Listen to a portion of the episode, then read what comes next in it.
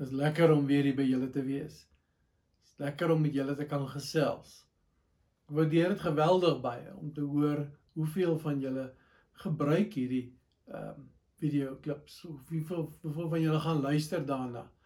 Baie dankie. Dit is remond in my hart. Dit is lekker om dit te hoor. Maar ons is nog steeds hier in die tyd ehm um, tussen Jesus se opstanding en uh, hemelvaart. Hemelvaart kom nou baie naby en ons is nog steeds ingeperk. Maar alles ons ingeperk.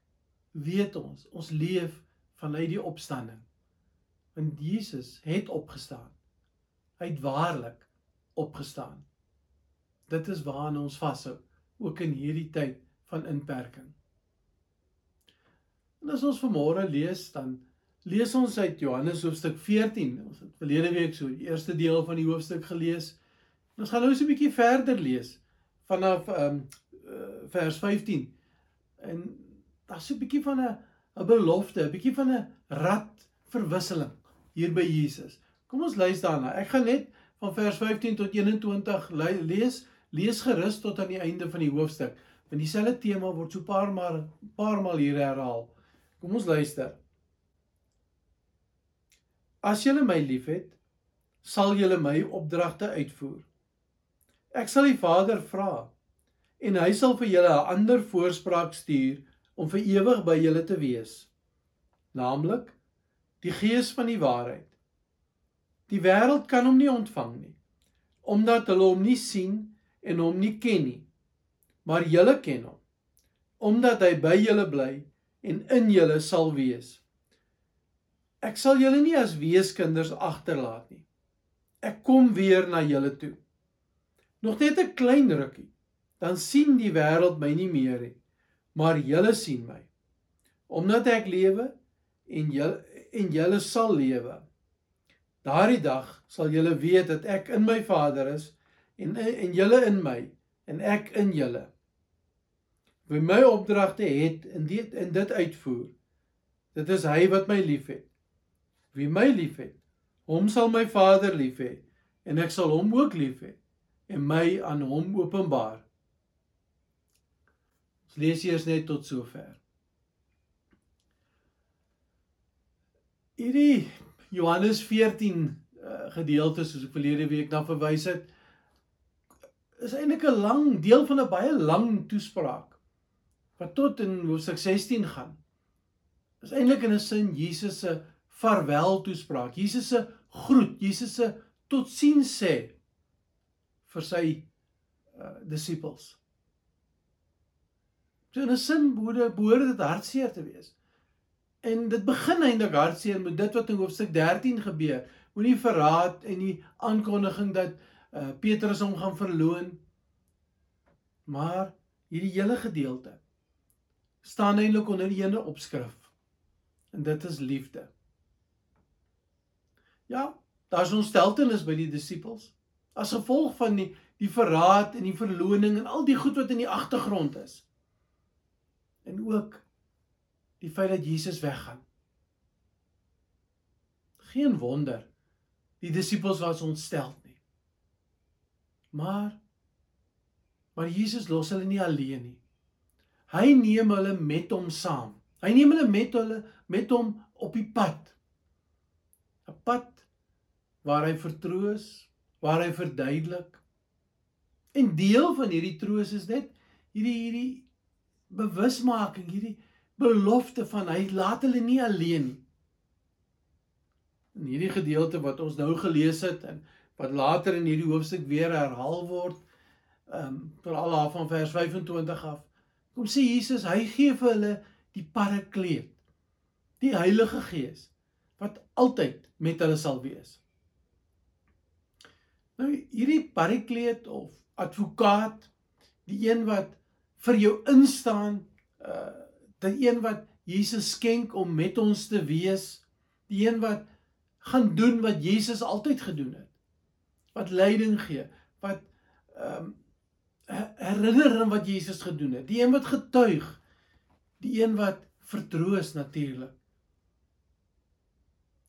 Letterlik beteken die woord parakleet in Grieks ehm um, die een wat langs jou staan om jou te help word ook soms as 'n uh, uh, advokaat verduidelik in in uh, in die Grieks of vertaal uit die Grieks uit. Maar dis dis die een wat aan jou kan staan. Dis die een wat daar is vir jou. Dis die een wat Jesus in sy plek stuur. En die manier wat Johannes hierdie parakleet verduidelik, koppel hom baie direk aan Christus self. Onthou wat Jesus in vers 6 al gesê het, ek is die weg en die waarheid en die lewe. En hier in vers 17 sê hy nou die parakleet is die gees van die waarheid. Dieselfde woorde word weer in Hoofstuk 15 vers 26 herhaal. Die gees van die waarheid.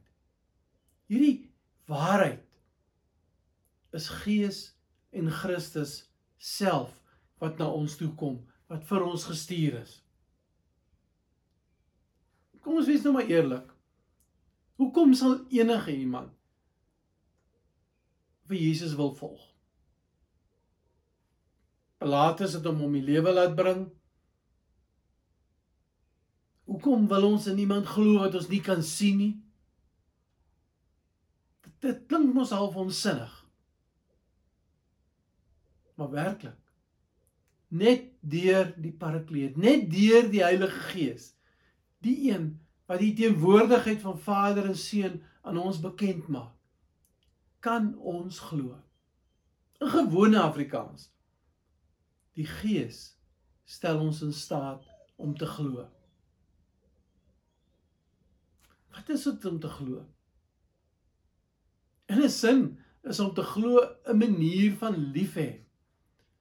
Want jy kan tog nie 'n abstrakte idee lief hê nie. Liefde kom as gevolg van 'n verhouding met 'n persoon. 'n Geloof werk presies net so. Hoe het ons vir God die Vader lief? Hoe het ons vir God die Seun lief sonder dat God die Heilige Gees vir ons in 'n verhouding inlei met Seun en Vader? Seun en die Vader word deur die Gees vir ons in ons met ons teenwoordig gemaak. Dit is een van die dinge wat die Gees vir ons doen. Hy bring die die Vader en Seun om hier by ons te kom sit, om hier by ons te wees. Ons word bekend gestel deur die Gees aan die liefde van God wat hy vir ons in Jesus Christus sigbaar gemaak het. In vers 17 is 'n halfe moeilike 'n moeilikerige um stukkie woord. Daar staan Dit klink of die gees nie vir almal is nie. Daar staan die gees van die waarheid wat die wêreld nie kan ontvang nie. Omdat die wêreld hom nie sien en hom ook nie ken nie. Nou hoe's dit dan nou? Is die Heilige Gees dan nie daar om God teenwoordig te stel om Jesus en die Vader bekend te stel aan almal nie? Kom ons kyk mooi na wat Johannes hierso sê. Onthou hy gebruik soos gewoonlik die woord kosmos wat in Afrikaans as wêreld vertaal word. Maar as Johannes praat van kosmos, dan praat hy van dit in die skepping wat teen God is, wat God teenstaan. Dit wat vir God en vir Jesus verwerp. Maar dit beteken nie dat ongelowiges nie tot geloof kan kom nie. Nee, Johannes sê eerder die mens kan nie die gees onveranderd ontvang nie.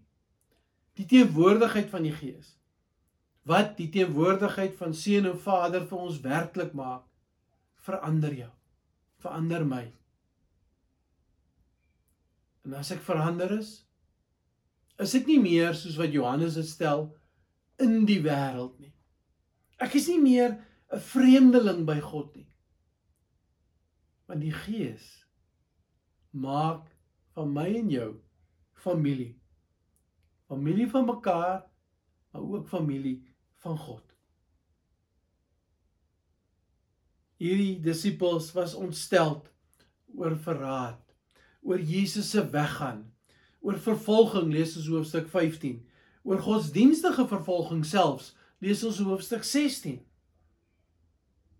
En ons is vandag ook ontstel en bekommerd en selfs verward. Finansies gaan my gaan my uh, besigheid dit maak dalk oor onsinnige reëls. Dalk voel ek al gefrustreerd met hierdie inperking. Siekte of sterfte naby aan my. Wat ook al. Maar ek en jy het hierdie belofte. Dit sien ons in vers 18. Ek sal julle nie as weeskinders agterlaat nie. Glad. Want hierdie gees wat Christus gee, Maak dit vir my en vir jou moontlik om te glo. Hierdie Gees help ons om te glo. Hierdie Gees verander ons in mense wat kan glo. Ook mense wat kan glo en vas staan en uitreik na die beloftes van Christus. Want hy maak ons hy maak ons in staat daartoe. Hy gee vir ons daardie moontlikhede dat ons dit mag en kan doen wat ons nie uit onsself uit kan doen nie. Ook om in hierdie tyd, in hierdie moeilike tyd te kan leef, te kan weet hy's die een wat ons ook nou lei en met ons is. Mag sy teenwoordigheid ook die seun en die Vader se teenwoordigheid in jou lewe vir jou 'n werklikheid maak. Amen. Kom ons buig net die hoofde in gebed.